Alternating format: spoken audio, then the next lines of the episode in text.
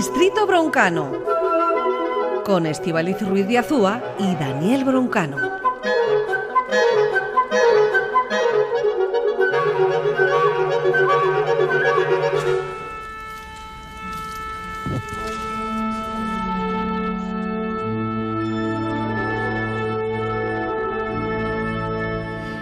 Orquesta está dispuesta y preparada en un rincón de este estudio. Orquesta afinada ya más o menos. El oboe daba ese la. Eh, Daniel Broncano, clarinetista, especialista en música clásica y en música antigua, entre otras muchas músicas. Saludos cordiales. ¿Qué tal? Orquesta afinada, no hemos escuchado la percusión de la orquesta, pero que sepas que también la tenemos, Daniel. De eso hablamos hoy, de tambores, de timbales. Eh, de esto va precisamente nuestro capítulo de hoy, nuestro fascículo de hoy de musicología e instrumentología avanzada. Eso es. Hoy nos vamos al fondo del escenario, que es donde está la percusión. Además, fíjate que ahora no los hemos oído afinar porque son los instrumentos que no afinan. Eh, son los instrumentos que no tienen eh, capacidad de cambiar su afinación. Eh, es verdad que los timbales un poco se puede tensar o destensar más la, piel, pero es algo bastante aproximado, no tienen una afinación variable, por así, decirlo. fíjate que los instrumentos de percusión son muchísimos, o sea, son muchísimos, pero todos se componen de tres elementos. Eh, como máximo. Tienen piel, madera y metal. Esto es muy bonito, porque es que son estas tres cosas: piel, madera y metal. Y esto ya prácticamente lo saca del núcleo de la Tierra, ¿no? Esto es, eh, vamos, algo extraterrestre, por decirlo de alguna manera. Totalmente, o sea, de eso está hecha la percusión, de piel, de, madera y o de metal. Y con esto tenemos los tambores, tenemos los timbales, tenemos los panderos, los platos, las cajas, las marimbas, cien mil otras cosas, a veces algunas muy pequeñas desde los crótalos, algunas gigantes como es el eh, gong, Em, las campanas, incluso, bueno, son multitud de cosas. Muchas de ellas, y ya explicaremos más sobre esto, eh, se basan en las baquetas, o sea, en, el, eh, bueno, pues en este eh, palo con el que lo golpeas y la técnica tiene que ver todo con ese control de la muñeca, ¿no? sobre este control, mm, vamos a empezar directamente con este virtuosismo, este control de la técnica de percusión desde la Edad Media, porque es que ya había siglos que había virtuosos de la percusión como esto eh, que imitan dos magníficos músicos que son David Mayoral, percusionista, y Alejandro Villar. Vamos a escuchar cómo ellos imitan esta, eh, este virtuosismo de la percusión que ya había hace siglos en la Edad Media.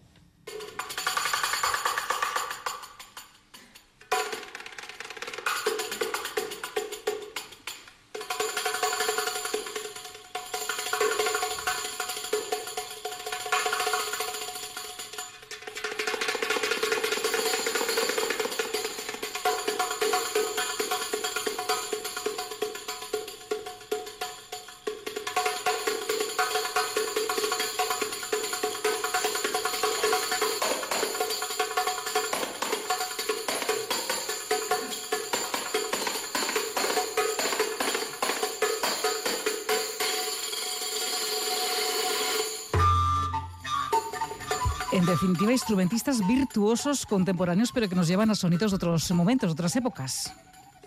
Sí, esto es una recreación de cómo sería esta música, de la que las fuentes escritas son bastante ralas, porque realmente solo nos quedan como, eh, como trocitos de melodías y cosas así, pero sabiendo un poco los instrumentos que había, pues esto es una, recreación de ese virtuosismo.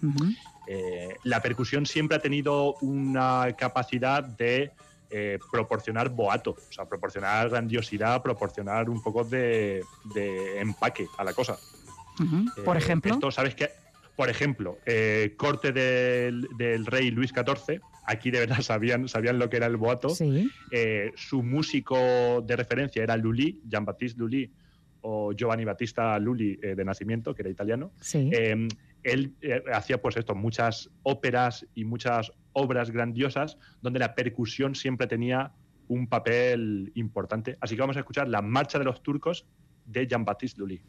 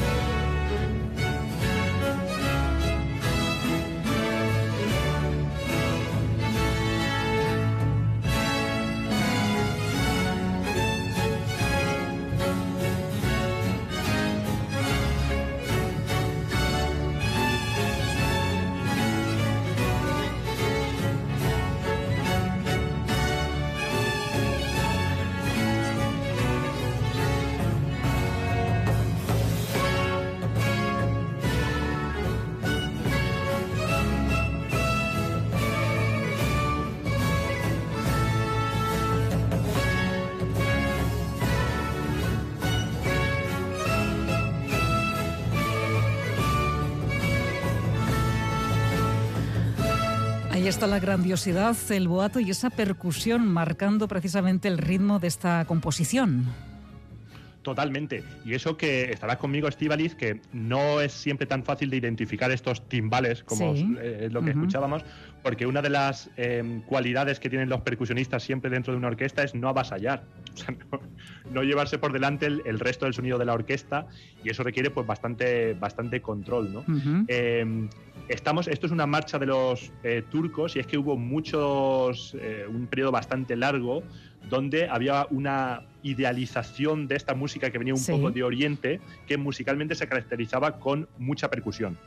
De hecho, nuestro siguiente ejemplo, Mozart, siempre tiene que aparecer. Oh, eh, Mozart, ya estaba costando que saliese. Pero es que también, también, también lo tenemos hoy. Em, vamos a escuchar ahora después la, la, obertura de su ópera El rapto en el Serrallo. Esto es una eh, ópera que está ambientada en el Imperio Otomano. Esto ya para ellos era súper exótico. Y eh, hay en varios momentos una banda genízara turca en esta, en esta obra y esto siempre lo caracterizan con platos con triángulos, con tambores varios. Em, en, esa, en esa época era casi como un cliché que esto ya les teletransportaba, por así decirlo, a Turquía, a Oriente Medio. Em, una percusión muy exuberante y esto es lo que vamos a escuchar ahora, obertura del rapto en el serrallo de nuestro Mozart.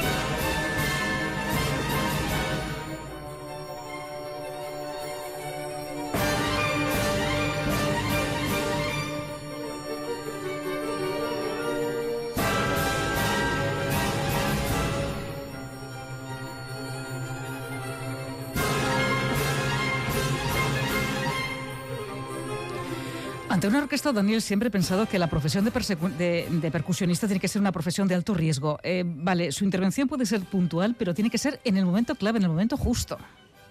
Totalmente. Y esto, eh, o sea, ponerse en la piel de un percusionista estremece bastante. Mm. La clave es que eh, muchos instrumentos, como el clarinete, que es el que manejo yo, pues tenemos la capacidad a veces de, de, amortiguar, de ser un poco ambiguo, si quieres, en cuándo empieza el sonido, cuándo acaba el sonido. Eh, para no quedarse fuera del grupo. O sea, hay veces que te puedes un poco escabullir de la imprecisión si hace falta. La percusión no es posible, o sea, aquí pues tú das tu zambombazo y o estás dentro o estás fuera y puedes arrastrar a todo el grupo contigo. Esto siempre hace que un eh, timbalista, sobre todo de una eh, orquesta sinfónica, pues tenga una súper seguridad, porque es que todos dependen de que, de que él los lleve a, a buen puerto, ¿no? Mira, lo siguiente que vamos a escuchar son eh, dos grabaciones de sinfonías de Beethoven. Sí. Están grabadas desde la posición de los timbales. Esto quiere decir que escuchamos la orquesta como un tímido arrullo un poco lejano y se escuchan los timbales en primerísimo plano, porque esta es la sensación que tiene el timbalista. También vamos, esto vamos a empezar con la quinta sinfonía de Beethoven, famosérrima. Eh, vamos a ver también que hay muchos silencios, hay momentos donde la orquesta sigue y aquí está una de las grandes facultades del percusionista que es contar. O sea, contar silencio, como si no hubiese un mañana. Uno, dos, tres, con precisión para entrar cuando hace falta. Así que vamos a ver eh, la vida del percusionista desde dentro. Vale, Beethoven, quinta sinfonía, pero escuchada desde ese, desde ese puesto, desde la del percusionista.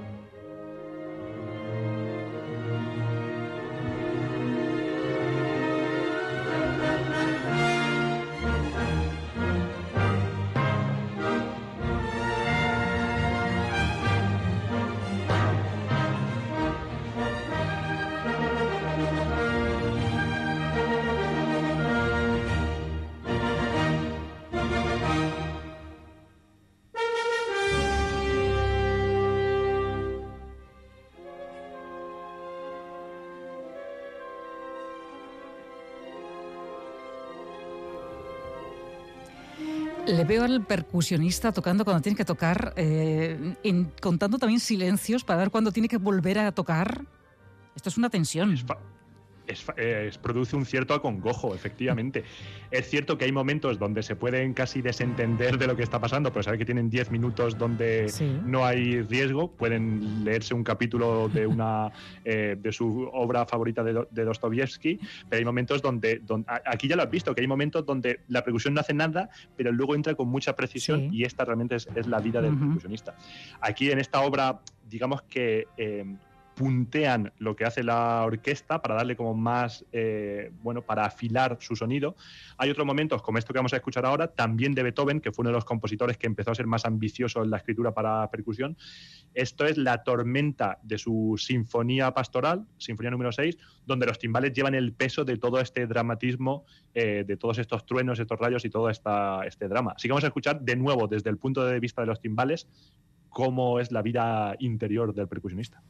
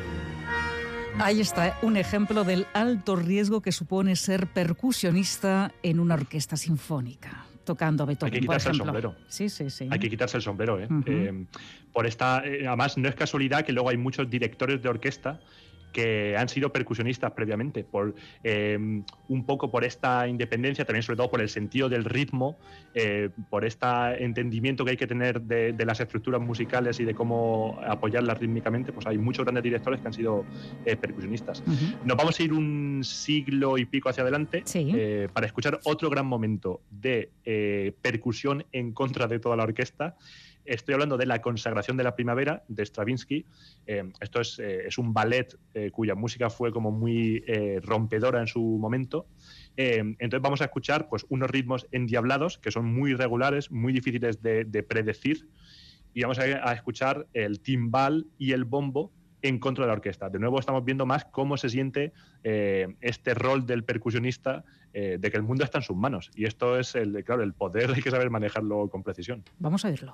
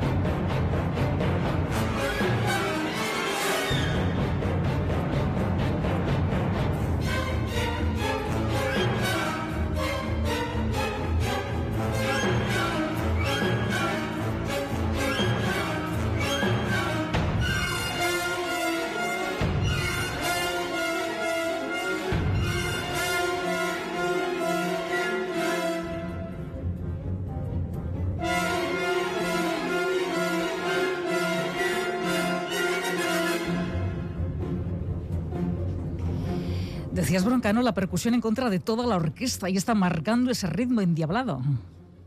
Totalmente, y luego la orquesta le va a la contra, pero realmente la percusión es la que sostiene todo este ritmo tan eh, irregular como gustaba hacer Stravinsky. Eh, hemos escuchado aquí unos buenos momentos de timbales, sobre todo, que al final es, es, el instrumento un poco clave o más habitual de la percusión en la orquesta. Para oxigenar un poco, para tomarnos un descanso de los timbales, vamos a ir a la caja, la caja es, un eh, tambor con doble parche por arriba y por abajo y que tiene unos bordones, o sea, tiene como unos elementos metálicos que resuenan cada vez que se golpea. De nuevo, la clave de la percusión siempre es el control de la baqueta eh, y el control de la muñeca, ¿no? Esta precisión que eh, es una técnica común a todos los instrumentos de percusión. Es, la, es la, el oro del percusionista está en, su muñeca, ¿no? Hay una obra que es paradigmática de esta, de esto, que es el bolero de Ravel, eh, con este ritmo que empieza en la caja, que se mantiene durante los 17 minutos de la obra, este ritmo milimétrico, la caja empieza mm, lo más suave que se puede empezar. De hecho, ahora vamos a tener que casi que, eh, que aguantar la respiración para poder escuchar. Eso es casi también lo que tiene que hacer el percusionista, aguantar la respiración para que no se le desvíe nada eh, el ritmo. Se toca como en el borde del parche, o sea, el parche es, bueno, pues, pues la piel del tambor, tocar en el borde al lado del aro para tener más eh, precisión. Así que un momento eh, clave de lo que es la vida del percusionista, como este principio del bolero de Ravel.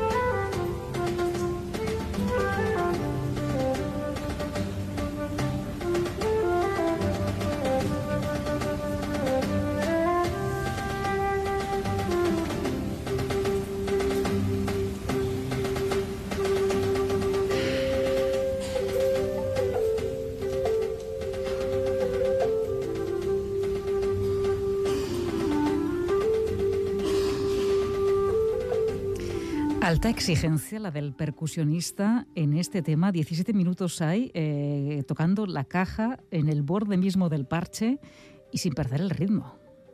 Buah, esto es brutal, ¿eh? O sea, es que de verdad esto es admiración total. Eh, además, luego es verdad que ya se suman otros instrumentos y. Y puedes eh, relajarte un poquito más. Bueno, un poquito, un poquito, pero sobre todo el, principio es eh, diablado por tener que además eh, coger el, el, tempo perfecto, la velocidad perfecta y, esto es uno de los grandes retos de, los percusionistas, ¿no? Esta, esta super seguridad de la que todos los demás dependen en la orquesta. Eh, vamos a ir a las láminas Sí. Que esto es otro, como otra de las grandes subfamilias de la percusión, pues estos son los xilófonos, marimbas, vibráfonos, eh, carrillones, eh, la chalapata también tiene que ver con, esto, y son todas las percusiones que están afinadas, o sea que realmente pueden tocar una, melodía. Em, de nuevo, todo depende de la misma técnica de tener control de la muñeca y de la baqueta. Vamos a escuchar una música, em, como estamos hablando tanto de la, del riesgo que corren los percusionistas de, eh, de liar un desorden mundial. Vamos a escuchar una música para percusión que en realidad es bastante relajante en sí misma. Esto es música de Steve Reich, eh, música minimalista. Esto es su cuarteto de baquetas, Mallet Quartet, tocado por el Colin Curry Group. Estos son dos marimbas, o sea, son como dos xilófonos de madera grandes y dos vibráfonos que son de metal con un ventilador que hace, em, hace resonar el, el sonido de, las láminas para que se puedan mantener en el tiempo. Estos cuatro instrumentos, aquí lo tenemos.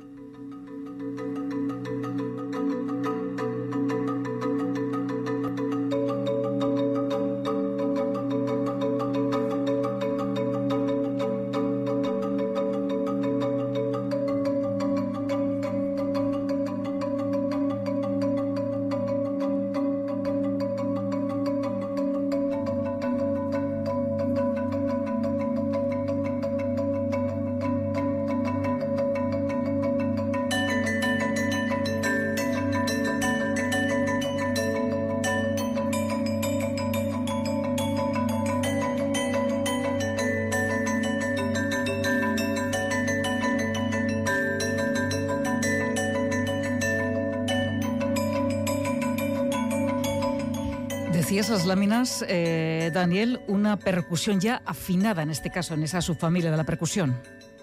Esta es, esto es, esto pueden tocar un do y un mi y un fa y tocar una, melodía. Eh, y esto es un, bueno, es como una subfamilia que de la percusión en la que también hay que especializarse. Vamos a escuchar una obra curiosísima del compositor Friedrich Gulda, eh, que era bastante eh, era, eh, mezclaba churras con merinas todo el rato.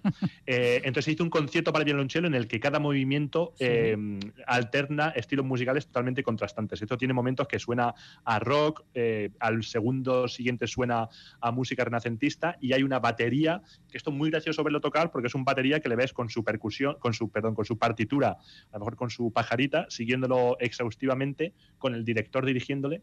esto es una de, los, de las caras una más de las que tiene que tener el percusionista de una orquesta sinfónica. Tocando una batería, miren.